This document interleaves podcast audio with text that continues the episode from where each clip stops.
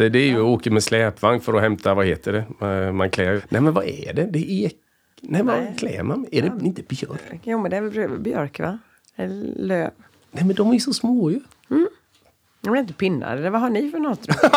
Skitsamma.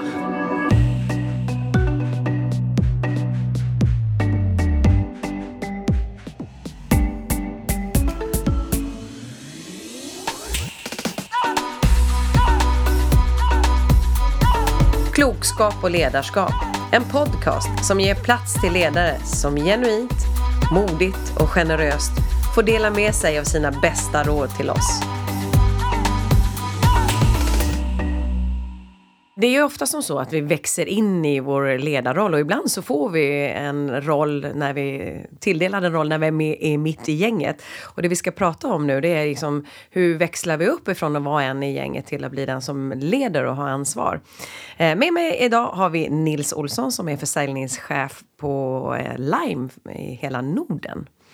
Eh, och innan vi kommer in och börjar prata mer om det så måste jag gratulera. Du har ju fått ringa klockan för ni har ju blivit börsintroducerade. Ja, exakt. Var hur, inte- berätta om känslan. Hur är det? Jag skulle faktiskt säga att det var härligare än vad jag någonsin trodde det skulle kunna vara. Eh, det var, eh, jag tycker faktiskt en stor eloge till Nasdaq som hade en väldigt bra process för, från det att man liksom kom in i entrén till att de liksom byggde upp den här storyn till att det är liksom kvart i nio när man började liksom nu närmade sig och, och så vidare till att klockan nio skulle vi ringa. Så att det, det var en jättehärlig morgon. Eh, så att eh, det var nästan så jag blev lite tårögd faktiskt. Ja, det är är minne som man kan bära med sig. Absolut, absolut. Det var en väldigt stor stolthetskänsla. Ja. Men om vi då backar tillbaka eh, och innan du började arbeta och din, dina erfarenheter av hur ledare var när du växte upp, hur var det? Alltså jag, jag är ju, jag har, jag har en, egentligen hela min uppväxt handlar, har mycket handlat om idrott eh, och kombinerat det med, med skola. Eh, Så att det är väl egentligen där jag har mina största erfarenheter från, från ledare, eh, förutom då familjen. Eh, och jag tycker väl att den resan som jag har gjort har nog varit att man har stött på bra ledare, men många gånger inom idrottens värld så har det nog varit snarare omvänt. Att det har varit en machokultur inom idrotten som har gjort att det ledarskapet har jag absolut inte velat ta med mig till de rollerna jag har idag. Så det har snarare blivit ett avskräckande exempel? Eller? Ja, jag tycker det. Och samtidigt så vet jag ju att när man följer idrotten idag och hur de jobbar med på ett he- så, så tror jag så här, det är en helt annan, helt annat sätt att arbeta idag. Men precis som man kanske faktiskt gör inom försäljning, att man alltid plockar de som har varit, varit duktiga på att sälja som, som ska bli ledare. Eh, så ska man plocka de som varit duktiga på ishockey eller fotboll och så ska den bli tränare. Och det är kanske inte alltid det, det mest lyckosamma. Nej. Så, att, eh, så jag har nog rätt många erfarenheter där jag, där jag verkligen säger att det här, så här ska man Har du något exempel som du kan ge? Något som du tänker på? Ja, jag har ett eh, och det var faktiskt det som fick mig nästan att, eller faktiskt att sluta spela ishockey. Någonting som jag, eh, som jag har burit med mig länge. Och det var, det var en, en tränare, jag behöver inte nämna några namn, men eh, som eh, blev så arg på en liten yngre junior som var med och tränade med A-laget då. För att han gjorde fel. Så att eh, han varnade honom och sa, gör du fel en gång till så kommer jag bänka hela femman.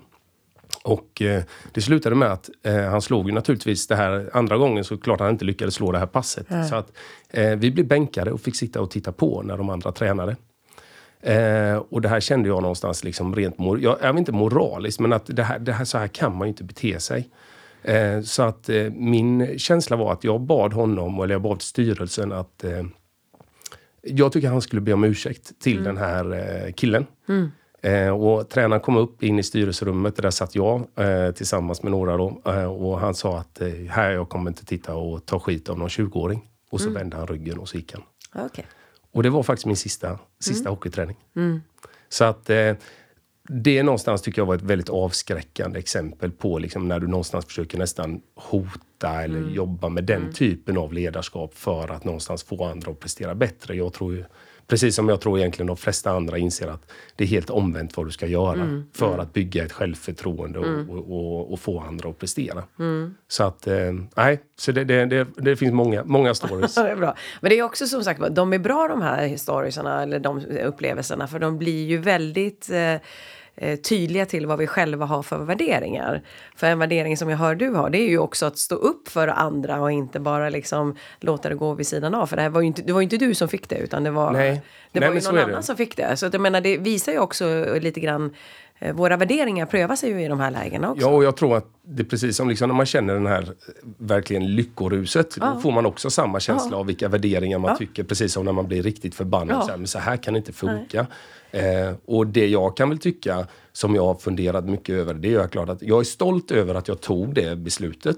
Mm. Eh, men jag hade också, om jag hade sett i en organisation, Mm. att jag hade tyckt att de som var stjärnor i laget, för det var inte jag. Mm. Nej. Det är de som skulle tagit den Precis. Mm. rollen.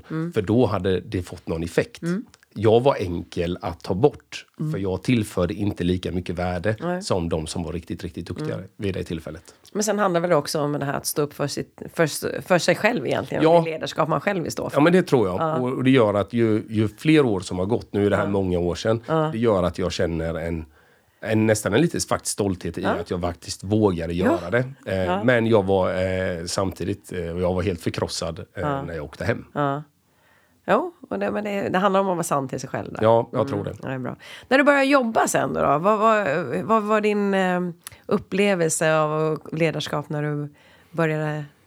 Nej, men jag, jag, eh, jag hade ju för mig, jag har ju faktiskt bara haft ett riktigt jobb. Eh, och det är ju på Lime. så jag har ju varit där i 13 år och sen eh, efter plugget då i Linköping. Eh, och det som lockade mig från den första början, det var ju, vi var ju bara 30 personer ungefär vid den tiden. Eh, det var egentligen att det var en kultur som var väldigt eh, liksom, öppen, det var en hjälpsamhet, det var en prestigelöshet. Och det var ju fyra grundare som hade, som fortfarande var med i Lime på den tiden. Eh, och de verkligen levde ju de här värderingarna. Så att det var den, min första intervju jag gick på. Och det är där jag har blivit kvar sedan dess. Och, och jag, är, jag, jag tror att det verkligen var värderingsstyrt val. För jag är inte någon IT-kille i grund och botten. Men däremot älskar jag starka kulturer. Jag gillar att vinna och det var en vinnarkultur. Eh, och någonstans att man fick vara med och påverka. Så, att, så det gjorde att de, de som var i det företaget då, de liksom skapade den känslan som gjorde att man kände sig att det blev en liten familj. Men hur var det då att komma in och börja jobba med IT som är egentligen det som då som du säger kanske inte var det som var avgörande? Nej, nej, men det var ju lite roligt faktiskt. Det finns en rolig story där. Att Jag ringde till och med, det är Anna, hon är vår supportchef idag, har varit i bolaget nästan 19 år. Och Hon ansvarar för oss då, traineer som kom in 2006. Så jag ringde till henne och frågade om jag skulle köpa en dator med mig till jobbet. Eh, Och hon, och hon svarade väl ärligt så att nej men det där löser vi, det behöver du inte tänka på. Och sen har jag hört efteråt att han måste ju vara konstig. Liksom. Det är ju ett IT-bolag och han ringer och frågar om man ska köpa med sig en dator. Men, men det gjorde ju någonstans att det jag, jag tror så här att har man bara viljan och engagemanget så kan man ju lära sig. Och det vi gjorde med våra gäng som började då 2006, det var att vi la väldigt mycket tid och energi på att lära oss. Det var ingen som var speciellt duktig, förutom en kille på IT. Och vi fick banne mig liksom lägga, lägga manken till för att lära oss. Och jag tror att har du, tycker du att det är kul så blir det bra. Men vad jag tänkte på, vad, var din, vad kände du sen var utmaningen då? För jag tänkte med inlärningskurvan har jag ju pika när du kommer in. Vad upplevde du sen var utmaningen när du började jobba? För du har ju jobbat med försäljning ganska Ja. länge också. Och, och jag tror så här att eh, det är nog känslan av att hela tiden kunna bli bättre. Och jag tror att det, var, det kommer nog mycket från idrotten någonstans att du kan ju påverka din egen situation. Du blir ju aldrig riktigt klar. Så någonstans, precis som om du är inom idrotten eller om det är hockey eller fotboll, att står du och nöter straffar eller frisparkar, precis på samma sätt. Ringer du fler samtal eller övar på kvaliteten så kan du alltid bli bättre. Och ju- gör du lite mer än alla andra så kommer du någonstans utvecklas snabbare och kunna ta ett kliv. Och då hade jag två Både Erik som är vår VD idag eh, för företaget och Anders som var VD tidigare. Har jag alltid haft en bra dialog med. Så de har någonstans pushat mig till att ja, men jobba med försäljningen, tänk långsiktigt, tänk långsiktigt. Och jag tror så här att jag ville nog, jag läste mitt utvecklingssamtal från 2007. Då stod det så här, men jag vill bli, jag vill jobba mer med, jag vill gå en kurs inom eh, en ledarskap. Och de sa, nej men ta det lugnt, lär dig sälja liksom, lär dig grunderna. Och jag, så jag har nog mycket dem att tacka för att det tog nästan liksom fyra, fem år innan jag fick den möjligheten. Vilket gjorde att jag lärde mig grunderna i det yrket som jag fortfarande tycker är väldigt, väldigt kul att sälja. Men det gjorde att jag inte behövde kombinera det här och känna en jättestress. Utan så länge du liksom matar på så kommer de här chanserna att dyka upp. Men vad gör du då? För jag tänkte just den motivationen är ju oftast det som skiljer som du säger. Mm. De som kommer vidare och de som kanske stannar kvar på en nivå. För du måste ju också se medarbetare som kanske har talangen. De är duktiga på det de gör. Men det handlar om att stå och liksom göra den här eh, teknikträningen om man säger. För de, den har vi ju alla i våra jobb och det är kanske inte är den som är roligast.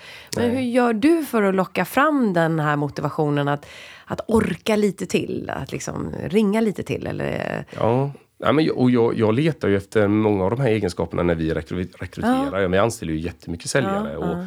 Då pratar man ju ofta om det här att ja, du ska ha det där drivet. Och jag tycker att de flesta människor säger att du har ett driv. Visst. Men det är skillnad faktiskt på att säga det och verkligen ha det. Ja. Eh, men för min del handlar det nog om att någonstans sätta upp väldigt tydliga mål. Eh, det handlar också om någonstans att vara disciplinerad. Och det tror jag min mamma och pappa har lärt mig väldigt mycket. För att skulle jag hinna med idrotten, men de är lärare, så någonstans, så skolan har ju alltid varit väldigt viktig. Då gjorde vi så att vi delade upp att x antal sidor varje kväll eh, och det här någonstans skulle rendera till att ja, men i slutet av veckan då har du faktiskt lärt dig allting du behöver kunna och då behöver du någonstans inte liksom lägga den här att du ska lära in allting på en kväll. Och jag tror att det jag har gjort då är precis inom försäljningen också att försöka att hela tiden sätta upp dagliga mål och ringa om det nu är kundmöten och så vidare. Och sen så lägga förberedelsetid. Och i och med att jag tyckte det var kul så har jag också kunnat investera mycket tid. Och det då har någonstans, har du tiden och att du tycker att det är roligt. Då, blir, då blir det ofta, tycker jag, en, en bra grej i slutet. För jag tänkte just det du sa det, att du anställer många säljare och det, säljare är ju oftast duktiga på att sälja sig själva. Absolut. Så. så vad har du för kontrollfrågor där? Eller hur gör du för att liksom ändå på något vis få en liten känsla för om de har den här uthålligheten eller inte? Nej, och, och det som, det, vi kör ett case. Ah, så okej. de får agera att de kommer från Lime och sälja faktiskt våra produkter. Ah, ah. Och, och det är ju en mjukvara, då, ett CRM-system. Och de ska agera säljare. Och där är en väldigt stor skillnad att de som kommer, eh, man kan ha jättebra CV. Men så har de försökt göra det här lite med vänsterhanden. Spelar egentligen ingen roll vilken utbildning. Men de som någonstans har lagt liksom många timmar, de visar ju att de verkligen vill det här. Och jag tycker att det är någonstans, det är någonstans här, men du har investerat tid för att kunna leverera bra. Sen behöver inte allting vara perfekt. Nej. Men det tycker jag säger väldigt mycket om en individ, hur, hur gärna du faktiskt vill någonting. Sen så, så, så det är nog den ena delen. Och sen så tycker jag att Eh, har, man hållit på med, har man en idrottsbakgrund så vet du ofta att ja, men det är disciplin, det är ordning och reda och det är en viss struktur som krävs för att du ska kunna ta det hela vägen. Eh, så att jag, jag brukar titta på lite olika komponenter. Men har, jag hade gärna tagit en magisk formel. Eh, den, och Jag den, med. För den, den har jag inte hittat än. Så att, eh, ja. Men det är rätt intressant också, för mycket av de här mm, besluten fattas ju på en känsla. Eh, det här känns bra Mm. Ja. liksom. Och det, ja, ja, det är spännande. Där. Och, och jag tror också ibland så får man, det är klart att man pratar om det här med datadriven försäljning och att allting ska finnas fakta på allt. Men det är ju faktiskt så i säljyrket tycker jag för att en, den här likabilityn som inte går riktigt att liksom kvantifiera, den är ju extremt viktig. Eh, att du, alltså någonstans du börjar med en positiv bild. Så att jag tror att faktiskt i säljyrket, eh, i rekrytering, så måste du också gå lite, precis som du säger, på magkänsla. Men jag tänkte också, jag hör utifrån det du berättade tidigare också, att du var bra på att lyssna på dina chefer. Ja. Eh, och där tänkte jag på, vad, vad gör du själv för att andra ska få förtroende för dig och lyssna på dina råd? Ja, men, mycket egentligen. Jag, jag försöker nog både om man tänker sig som... Jag, jag har haft chefer som har brytt sig om mig eh, och som har investerat tid i mig. Så det jag försöker göra är någonstans att investera tid och ha tät kontakt med mina medarbetare så att de, det blir en naturlig del av vardagen. Jag har ju medarbetare som du, som du var inne på i och med att jag reser runt i Norden. Så det är inte så att man träffas eller ses. Men däremot det här lilla samtalet som bara kan vara två eller fem minuter som gör att man ändå skapar den här dagliga kontakten och är en del av varandras vardag istället Mm. för att man bara har, ja, men vi har ett kvartalsmöte eller ett månadsmöte Mm. så ska allt avhandlas om det. Jag tror inte på den filosofin. Nej. För det gör inte att du lär känna människan bakom. Mm. Utan någonstans måste du kunna skapa tilliten där du hör på rösten, om du nu inte har förmånen att träffa Mm. alla, så får du ändå den här känslan att nej, idag är ingen bra dag för den här individen. Mm. Och det har gör, tror jag, att du kan fånga upp signaler mycket tidigare. Mm. Och det gör i sådana fall att du någonstans då kan skapa den här tilliten som krävs för att medarbetare ska lyssna på mig. Och att man genuint bryr sig. Så, att, eh, så jag har Anders till exempel, om man tar den storyn, eh, vår tidigare vd när jag var, jag fick ju där förtroendet att starta upp vår verksamhet i Norge. Eh, och det här var 2010, då hade jag jobbat i ja, nästan fem år. Och jag kände ju mig, ja men det här nu, nu ska det hända liksom. Nu ska jag bli, bli chef på riktigt. Ja. Eh, men jag tror att eh, det gick ju inte alls bra. Eh, utan, Vad hände då? Nej, men vi, vi tog över ett annat bolag eh, som var i samma koncern som oss då. I, när vi var en del av Bisno på den tiden. Och det här var ett grundarstyrt bolag eh, där grundaren direkt valde att lämna. Eh, det kom in en eh, 26-årig kille, eh, svensk, som skulle göra det här enligt våra värderingar och kultur. Och där jag tror jag, jag saknar nog både taktkänsla och det var många komponenter som jag kunde gjort bättre nu, eh, som man verkligen har reflekterat över. Men där man liksom inte visste hur man skulle hantera det här. Jag skulle vara chef över utvecklare, ekonomi, konsulter, säljare. Där det fanns en kultur och jag hade ju ingen aning om det här. Hur skulle jag få ihop den här resan? Och jag tror att först av allt så tror jag inte jag lyssnade tillräckligt mycket liksom, på vad, vad är det de här personerna brinner och driv, drivs av. Utan jag ville ju någonstans, nu ska vi bli Lime och så kör vi. Ja. Och det är klart att det var inget framgångskoncept. Eh, Så att det var en rätt tung period från att man någonstans har gått från att ja, men, i Lime-världen då att ja, men, du är duktig, du är omtyckt och till att okej, det här är ingen som egentligen tycker att det här är speciellt kul. Det är Nej. ingen som vill prestera och ingen, jag tror ingen ville ha mig där heller för den sakens skull. så, att, så någonstans, det var ingen, liksom, var ingen bra. Men, men jag, jag taktade på där och pendlade. så att det var ju, Uthålligt. Ja, eh, och där gjorde vi då någonstans när det gick som allra tyngst. För samtidigt så dalade ju min egen försäljning. Och så att någonstans det här självförtroendet som man alltid hade, att du kan alltid falla tillbaks på att om jag går och säljer lite så får jag den här kicken. Eh, men då tog Anders, som var vd på den tiden, då, då bjöd han ner mig till, eh, till sitt hus nere i, eh, i Skåne. Och någonstans verkligen sa att ja, men, han brydde sig om mig som individ. Och inte utifrån resultaten. Och han fattade ju att ja, men det här var inte speciellt bra. Nej. Men han gav mig ändå förtroendet att fortsätta och han gav mig tips och idéer på vägen. Och, och det kände jag ju någonstans att okej, men jag får lov att göra fel och jag får lov att utvecklas under den här resan. Istället för att någon var på liksom med att ja, men du levererar inte de här siffrorna eller personalen är inte nöjd och så vidare. Så att jag, jag tyckte att han visade liksom den här medmänskligheten och han agerade i rätt tid innan det blev allt för tungt. Hur slutade det nu då? Hur var det när du lämnade då efter två och ett halvt år? Nej, men det, det vi gjorde var att eh, det, någonstans att eh, vi avvecklade eh, den, den delen eh, och valde att satsa egentligen så som vi gör nu, att vi bygger Lime från grunden i varje, i varje nytt land med den kultur och värderingarna som vi vill ha. Och vi, så vi sålde produkten eh, och, till ett annat bolag. Och så efter två och ett halvt år. Men, Så det var tungt, men det var extremt lärorikt. Och jag tror att från att man har liksom alltid fått ha varit med och någonstans få känslan av liksom framgång så var det väldigt nyttigt att få ett, ett eh, ordentligt misslyckande och lära sig av det. Eh, och känna att man kan komma ut starkare eh, efteråt. Men när du var inne i den där perioden själv och det är som jag hör ju att det var en lång period som det var tungt. Hur, hur motiverar du dig ändå att fortsätta? För jag menar, Ja, men någonstans, jag, jag har all- har alltid haft som mål att jag skulle bli försäljningschef på Lime. okej, Så, så det var alltid så här, men jag, jag ska reda ut det här så gott jag kan. okej. Eh, Så för mig var det här liksom att men jag måste ju lära mig det här för jag kommer ju stöta på liknande utmaningar när jag väl kommer till, till, hem till Sverige igen. Eh, och samtidigt så hade jag då, men jag hade Erik som var, som var stöttade mig och jag hade Anders som var VD och samtidigt så hade jag en, min fru Lisa någonstans och hon var ju hemma under de här två och ett halvt åren i Stockholm och jobbade. Men jag tror att alla de delarna var harmoniska. Det gjorde att även om det var en del som var lite i disharmoni så kunde man någonstans falla tillbaka på att jag hade en trygghet i alla de andra delarna.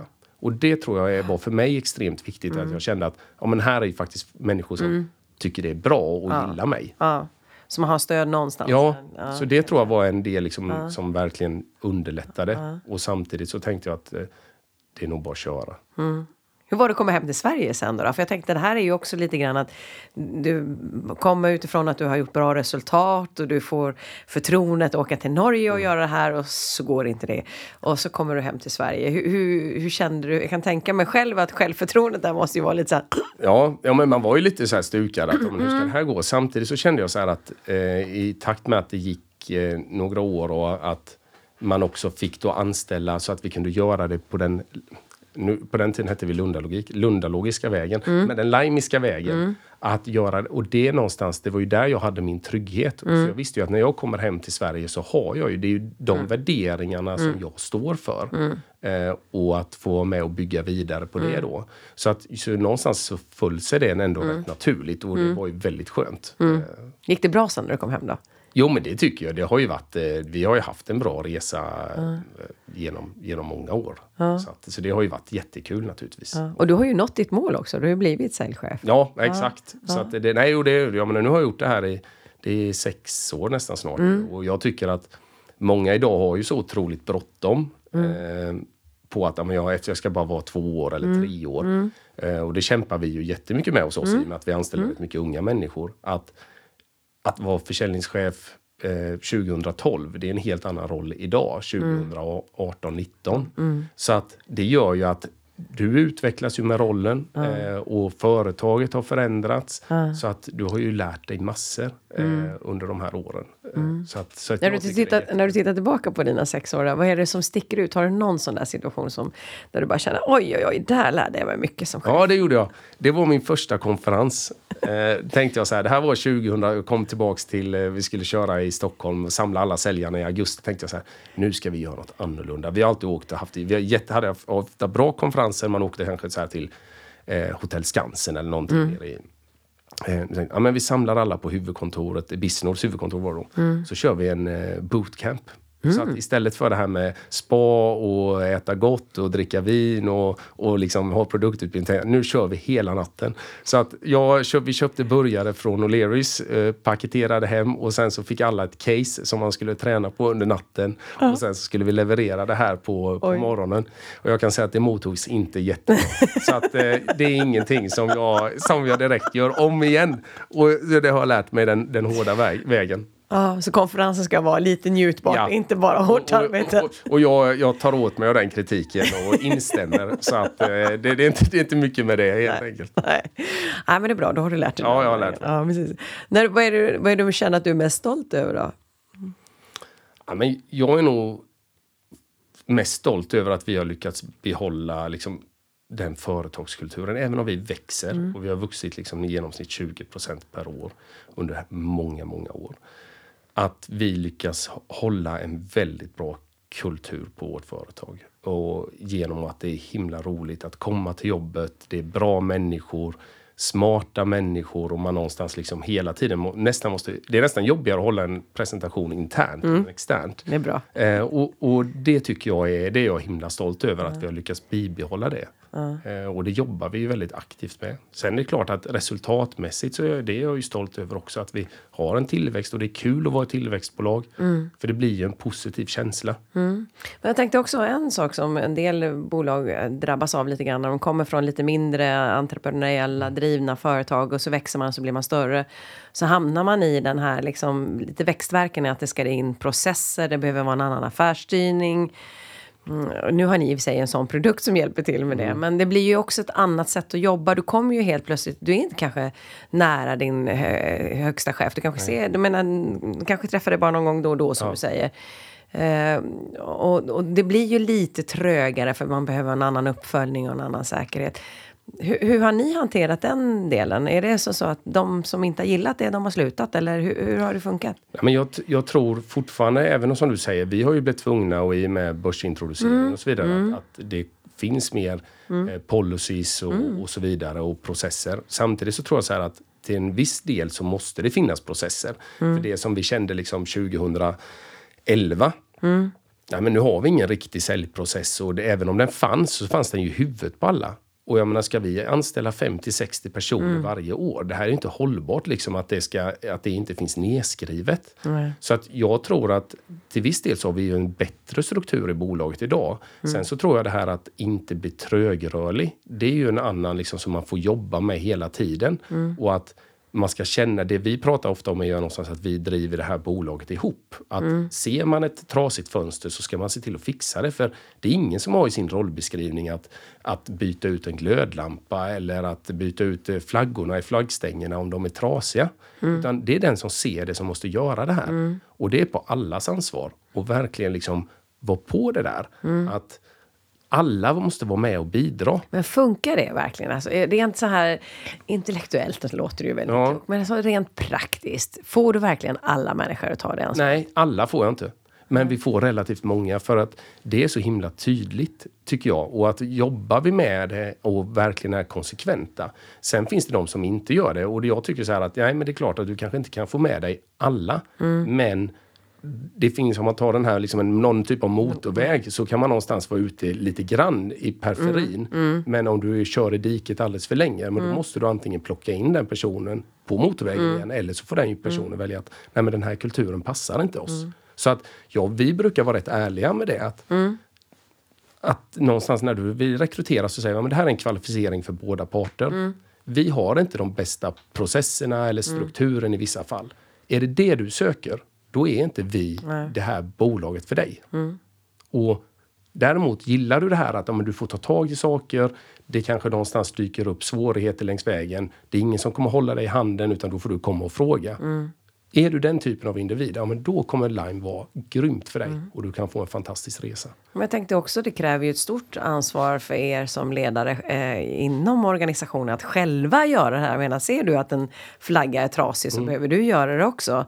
Eh, är det inte lätt att, man ham att du hamnar i sånt som är kanske andras jobb då? Eller förstår du, det som du hamnar i en kanske ännu mer operativ roll, även om du... Jo, men det, det, så kan det ju vara. Ja. Men vi hade det här att, jag, jag tror ju ändå någonstans att, att lyckas du leda genom att vara ett gott exempel, mm. och det spelar ingen roll om det handlar om att hur jag någonstans, att jag svarar på mail inom x antal timmar eller att jag lyfter upp luren om någon ringer, att jag återkopplar. Mm. Att alla de där små grejerna, det måste alla vara med i, för det är grundfundamentet i, i, i vårt företag. Mm. Att ingen ska vara för fin för att göra det. Mm. Det spelar ingen roll om du är VD eller om du är trainee eller om du är säljare eller vad du nu än är. Mm. Utan att alla måste vara med på det.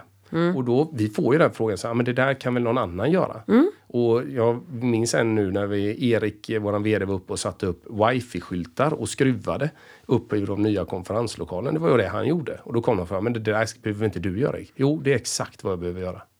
Mm. Och det tycker jag någonstans, då har du den som är ytterst ansvarig för verksamheten. Mm. Som någonstans går före och säger, det är klart att Mm. De ligger här. Alla frågar ju efter det. Det är mm. bättre att jag tar fem minuter och mm. sätter upp dem. Mm. Så, att, eh, så jag, jag tror mer på den än, än det omvända. Jag tänkte på, eh, du har ju också en organisation med högpresterande människor runt dig. Mm. Eh, och, vad, vad, och det, det, är ju både oftast roligt, kul. Det kan också vara utmanande utifrån att eh, dels kanske när det inte går bra, men också när det går bra och människor liksom håller på och, och kanske jobbar lite för mycket. Mm. Hur, hur, hur gör du där för att säkerställa att, eh, att det är en bra balans? Ja, och jag skulle säga att där är ju det är någonting som jag har fått erfara egentligen kanske framförallt under 2018. Mm. Eh, där vi har haft jätteduktiga människor som har jobbat eh, lite för mycket och känt sig stressade och mm. inte mått bra. Mm. Eh, och dels så tycker jag för att man, dels blir man ju lite, man, man, man tar ju illa vid sig för mm. någonstans, det här är ju jättebra personer, det är mm. härliga kollegor och, mm. och sen liksom, ja, att det är duktiga säljare, det, det är sin sak också. Mm. Men att någon som är mellan 28 och 35 liksom mår dåligt. Mm. Så ska det ju inte vara.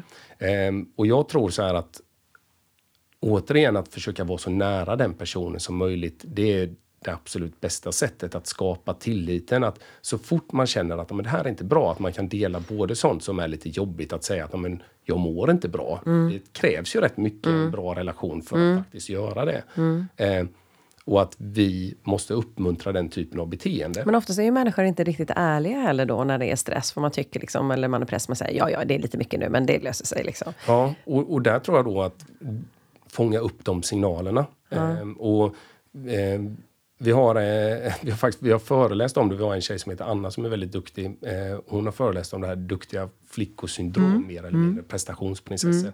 Så jag menar, det är klart att till viss mån så kan man ju se de här olika mm. signalerna. Mm. Och det man hoppas alltid är ju att mm. man ska kunna lyckas fånga upp det i tid. Eh, och det lyckas man ju inte alltid med. Men Nej. då tror jag ju någonstans att det vi har som ansvar är att verkligen vara med och supporta och stötta den personen. Så att den känner att mm. det här är inte ett problem. Mm. Utan att vi ska hjälpa dig tillbaka. Mm. mm. Eh, och, och, och, det känner jag det har varit en, en ny lärdom under 2018 mm. faktiskt. Som vi har fått jobba med. Mm. Och det handlar ju om att göra rollbeskrivningen tydligare. Och jag tror också det här som många känner som har varit då chefer. att jag ska kunna allting. Mm. Att säga, men du behöver inte vara bäst på allt. Nej. Våga släppa, mm. våga delegera. Det kan finnas någon annan som faktiskt kan hjälpa dig. Mm. Du behöver inte ta allting. Nej. Och känna det här kravet av att ja, men bara för att jag någonstans är chef eller ledare så ska jag förväntas kunna allting. Mm. Och ta det ansvaret på sina axlar. Utan att det finns faktiskt, vi är en organisation med 225 medarbetare. Mm finns ju hur många som helst som kan hjälpa till. Men hur kände du själv då? För du kom ju, du var ju en i gänget och du har jobbat med dina liksom, kompisar och kollegor kan jag ja. säga. Och sen helt plötsligt då så, så var du inte en i gänget längre. Nej. Hur, hur hanterar du det? För då blir det ju dels andra förväntningar på prestationer och Överhuvudtaget ja. så blir det ju en omställning. Ja, och jag tror så här att det som både kanske var för och nackdelen då var ju att jag hamnade i Norge. Mm. Och det här var ju för det ett mm. bolag som inte hade varit liksom mina kollegor sen innan. Okay. Mm. Eh, men däremot den här känslan av att från att liksom vara önskad och älskad till att ingen vill ha dig. Ja. Den är ju den väldigt är tung. Brutal, den är ju brutal. Ja. Eh, där man känner att man inte har något förtroende eller Nej. ingen tillit eller Nej. att man inte blir medbjuden. Hur, hur påverkar det dig då? Nej men det var ju tråkigt. Ja. Sen så, jag, ju någonstans då i och med att jag hade dubbla roller, vi, har, eller, och det har, vi säljer ju, så mm. det jag någonstans, jag gjorde, jag var i Oslo. Eh, och jag, det enda jag kunde göra var ju att jobba. Ja. Så, det var ju så det, du sålde? Ja. Det var ju mitt sätt någonstans att ja, kompensera den, att jag inte, jag hade inget socialt liv. Eh, mm. Och det låter ju, kan ju låta liksom tro, tragiskt mm. i sig. Men det var nog mitt sätt att mm. någonstans få upp självförtroendet och försöka jobba mm. med det jag någonstans kunde påverka. Jag tänkte du sa att dina chefer var inne och supportade och mm. stöttade. Men hur var det med dina liksom, före detta kollegor nu då? då som, eh, liksom, vad sa de här hemma i Sverige? Nej, men och där kände man ju den här att när man då kom hem liksom. Ja, då blev det? ju det en väldigt... Jag skulle säga att då var ju det som att komma hem nästan liksom att öppna dörren och känna att oh, men nu, nu omges jag av väldigt härlig kärlek. Ah, okay. eh, så det var väldigt skönt. Sen så tycker jag att de som idag som man är chef, eh, formell chef över, som, som man tidigare var peers med. Mm.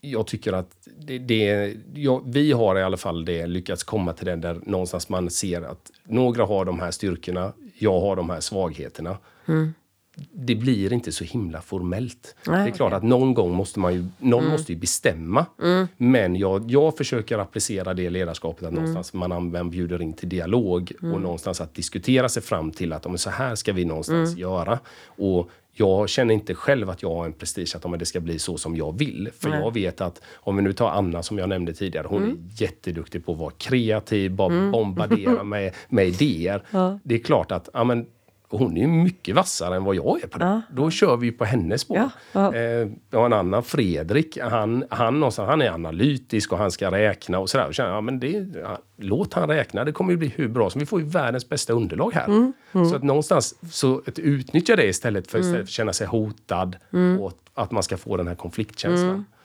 Så, så jag, jag, tror att, men det beror nog på att man, man också har en bra relation sen innan. Mm. Mm. Eh, sen, sen, ja, nej, så, så, då, så försöker jag göra i alla fall. Mm. Och jag tänkte på det, du har ju eh, familj och du har relativt små barn. Mm. Eh, och du är ju i den här fasen i livet man ska göra allting på en gång. Ja, exakt. Och också högpresterande och tycker om att göra, göra bra ifrån det. Så hur, hur balanserar du ditt eget liv då? Eh, jag, jag tror så här att det, det jag försökt göra, för att, eller egentligen ändra från det man gjorde tidigare var ju att men då kunde man vara iväg en vecka mm. eller du kunde vara iväg tre dagar och köra Oslo, Köpenhamn och sen eh, Helsingfors. Mm. Istället nu så försöker jag alltid göra så att jag tar, eh, flyger hem. Mm. Vilket gör ju att någonstans där då får, kommer du alltid hem. Du kan vara med liksom om kvällsproceduren och så mm. vidare. Vilket mm. gör att även om det blir lite jobbigare för dig själv, för du mm. måste upp på de här morgonflighterna. Mm. Eh, men så tycker jag att det är en sak som man kan mm. göra. Sen så har jag förmånen någonstans att ha väldigt god hjälp av mina föräldrar som har flyttat till Stockholm. Mm. Så att de finns där idag och kan supportera med att hjälpa mm. till att eh, hämta barnen mm. från skola och dagis och så mm. vidare. Och även en syster som bor eh, granne med oss. Så att vi har försökt liksom pussla ihop mm. vårt lilla familjeliv så att mm. vi har våra föräldrar, min syster, våra bästa vänner inom mm. en radie av 200 meter. Mm, så bra supportsystem. Liksom. Ja, men lite sådär där man kan någonstans hjälpa ja. varandra. Eh, men där jag tror att vi, ligger, ja, vi kanske ligger lite på minussidan då, där vi får mer hjälp än vad, vad vi hjälper de andra. Ja. Att, men vad gör det för dig själv? Och det, det, hur, hur orkar du själv då? Hur, hur laddar du dina batterier? Nej men jag, ja, hur laddar jag mina batterier? Jag tycker ju att det jag gör är jäkligt kul. Alltså någonstans, det är nog min grundkänsla och jag har mm. alltid tyckt att det är det. Mm. Jag är nog ingen människa som ser det svart eller vitt att eh, nu ska jag jobba, nu ska jag vara ledig. Nej. Jag har inte det riktiga behovet. Eh, däremot i takt med att man har blivit äldre och fått barn så mm. är pauserna viktigare. Så att jag tror att det jag har blivit duktigare på är att faktiskt vara någonstans ledig under jul och nyår. Jag är bättre på att vara ledig under sommaren och få den här sammanhängda mm. semestern. Mm. Och att det är någonstans att hitta de här tillfällena där jag någonstans verkligen kopplar av mm. och kommer ner i varv. Och sen är, försöker jag hålla lördagen som en absolut helig dag. Mm. Där jag inte gör eh, någonting jobbrelaterat. Nej, och då är det mycket fokus på familj och sånt. Ja, men så blir det ju. Ja. Lugnt och sansat. Ja, liksom. skönt. Så att, eh... Jag tänkte, då har du ju också förmånen att få vara pappa. Och jag tänkte så här, vad om nu, nu var vi då åker framåt i tiden här mm. och man får ett samtal med... Du, jag sitter och pratar med dina barn. Vad vill du att de ska säga om dig som pappa? Jag vill att de ska säga att eh, jag är omtänksam. Mm. Eh, att eh, de känner en tillit och kan prata med mig om allting. Mm. Oavsett om det är bra grejer eller dåliga grejer. För man vet ju liksom, även om man tror att det aldrig kommer hända, så vet man ju att det, det där tillfället kommer ju dyka upp när mm. det inte går bra. Mm. Och att man då någonstans kan få det där samtalet. Mm. Eh, det, det, det är nog de två jag känner liksom så här på mm. rak arm. Och att eh, och naturligtvis att man är med och stöttar och supporterar. För det är någonstans det jag har känt med mina föräldrar som har gjort att de har varit med mig på hockeyn och rest land och rike runt för att mm. hänga med, skjutsa till träningarna. Mm. Och man kan kalla det att kanske vara curlad och så vidare. Men jag har en jättepositiv bild och jag har idag daglig kontakt med min mamma och pappa. Mm. Eh, så att, så jag, jag önskar att om jag kan få ge i alla fall en liten del av den barndomen jag själv fick mm. av mina föräldrar mm. till mina egna barn så hade jag varit jätteglad och nöjd. Mm, så dina barn ska spela hockey med andra ord eller? Ja, men nu finns ju inte HV i Stockholm. Så jag att, vet, eh, det är ju så problematiskt. Jag exakt, det. så jag, ja. jag lider lite där. Men eh, vi får ju, finns ju souvenirtröjor att köpa. Så att, ja. även om ja. man spelar i Solna eller Rittorp eller AIK. Ja, så, ja de får väl gå in och skridskoskola och börja. Liksom, exakt, något, så, så att, vi får se vad det blir. Ja, precis. Ja, men det är bra. Men jag tänkte på utifrån att det, hela livspusslet ska gå ihop och ni har utmaningar, liksom, eller era, för era kunder har ju också mm. utmaningar. Vad, vad är det du ser är det som eh, pressar och stressar era kunder mest nu? Ja, men går man tillbaks, alltså tittar man på 2018 så fanns det ju den här GDPR. Ja. Den, den stressade och pressade väldigt, väldigt ja. många. Eh, sen, sen har det inte varit samma hype det, efter direkt. Det var sådana millennium-grejer. Exakt. Men det var ju fram till maj där då. Det var ju en extrem eh, press och stress. Eh, och mm. framförallt om man tittar på de lite, kanske mer lite business consumer-tunga kunderna. Mm. Eh, som verkligen, och större organisationer mm. då. Så det känner man ju är en, en stor del. Den andra är, tycker jag, som verkligen jobbar med den här mellan sälj och marknad. Mm. Att få ihop den bilden mm. med att många pratar ju om marketing automation mm. och att saker och ting ska hända automatiskt. Men man, man någonstans, det finns en liten begreppsförvirring Och man tror att om jag köper ett system så kommer det fixa sig. Och så enkelt är det ju aldrig. Liksom. Så det tror jag också det här att det, där någonstans kan vi ser vi en rätt stor utmaning hos många av våra kunder. Och sen så ser man ju många som också börjar se kundvård och kundservice mer som en, som en som så här, konkurrensfördel. Så att det är från att CRM-systemet skulle hantera säljet, men det ska ju också någonstans hantera support och, och, och kundlojaliteten någonstans mer. Så, att, så det finns ett par olika utmaningar som, som definitivt Vad gör du för att hänga? För just precis som du säger, i och med att ni, du driver också affären och utvecklingen av bolag. Så vad behöver det, hur, hur gör du för att hålla dig akt, liksom up to date med nyheter och vad som kommer och vad som, de här trenderna? För det är precis som du säger, det blir ett lite annan typ av införsäljning. Ja. Eh, men det blir ju också ett, en annan användning av den informationen som vi har tillgång till idag utifrån att eh, anpassa mer till kunden. Absolut. Så, så hur, hur gör du för att hålla dig liksom ajour?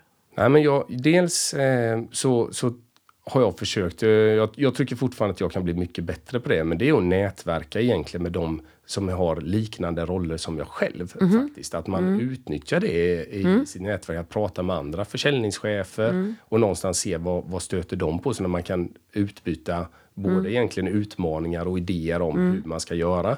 Samtidigt så finns det i vår värld eh, en, en bra eh, konferens som heter The Sales Conference. Där man stöter på mycket av de mjukvarurelaterade mm. eh, verktygen mm. som kommer in eh, på marknaden. Mm. Både där det är egentligen uppstartsverksamheter men också liksom mer eh, vad ska man säga, eh, bolag som har existerat länge. Mm. Eh, så den försöker jag ofta gå på. Eh, mm. och sen så tycker jag att den, kanske, den bästa delen är att fortfarande prata med kunderna. Mm. Att någonstans att du är med och är delaktig i säljarnas vardag. Vad stöter de på för frågeställningar? Eh, och vara med och hjälpa till i affärerna. Mm. Mm. För att när man tappar den för, för mycket, mm. då blir det väldigt svårt att mm. någonstans relatera till. Ja, tar vi rätt, ligger vi rätt i pris? Mm. Har vi rätt erbjudande? Mm. Utan du måste nästan vara med och, och göra ett par affärer per år för att känna att ja, men, jag, du hör vilka utmaningar som finns. Så du är med och jobbar med försäljning själv också när du är operativt? Ja, ja. så vi försöker då, ju, mer, ju, ju, fler säljare någonstans så är man med och stöttar mer. Ja, eh, ja. Om det är nya, nya segment för en ny säljare. Och det är ju den, man, kanske det är för att man är en sucker för feedback kanske, men det är ju det är så sjukt kul. Eh, att verkligen stå och sådär, få stå och liksom, man får känna att ja, men, vi tillför ett värde. Ja, för ja. den feedbacken kanske man inte får så ofta som chef. Nej, men nej. när du är ute och säljer och du ser att det glittrar i ögonen hos dem, så men det här ska vi ju ha. Liksom. Det är ju en magisk känsla. Jag ser det på dig.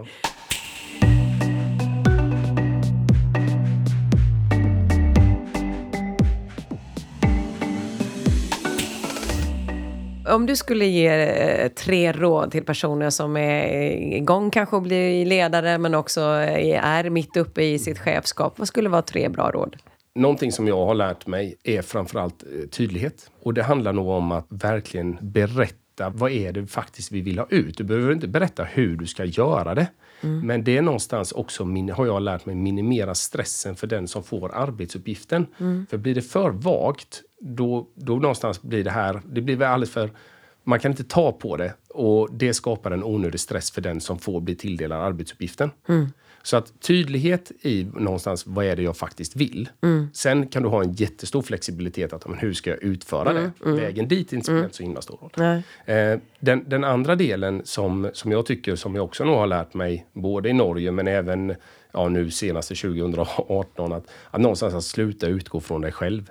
Aha, okay. eh, att någonstans du, du, du vill att, du förväntar dig att alla har samma intresse, samma drivkrafter mm. och att är villiga att lägga ner samma energi. Att verkligen ta tiden till att lyssna på men vad vill den här individen? Mm. Eh, och vad är det då någonstans som hur ska vi kunna jag, utnyttja det här på bästa sätt? Mm. Och förvänta dig inte att alla, alla är precis som dig själv. Mm. Eh, mm. Utan vänd på den frågan istället. Liksom, mm. Och fokusera på den andra individen. Det, mm. det tror jag.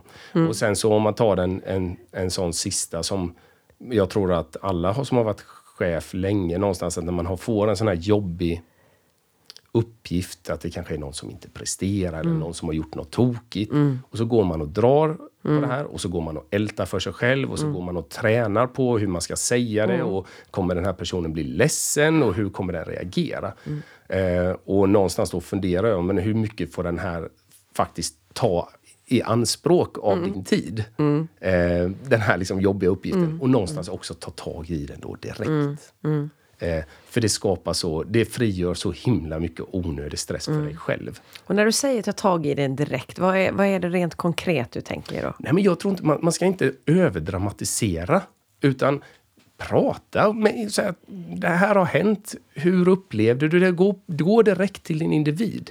Eh, som, som du någonstans, som, som, har- som, har, som det har hänt eh, någonting med. Och istället då för att gå och fundera, vad är bästa sättet?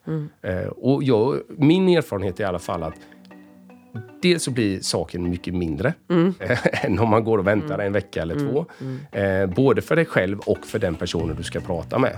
Eh, för den personen kanske har redan glömt att den gjorde fel. Och så ska du komma och ta upp det här igen. Ja. Eh, så, att, så det är nog, eh, jag tror att det där är, det, det frigör, frigör stress från dig själv. Ja, vad bra. Tack för väldigt tre bra råd. Ja, tack. Tack så mycket.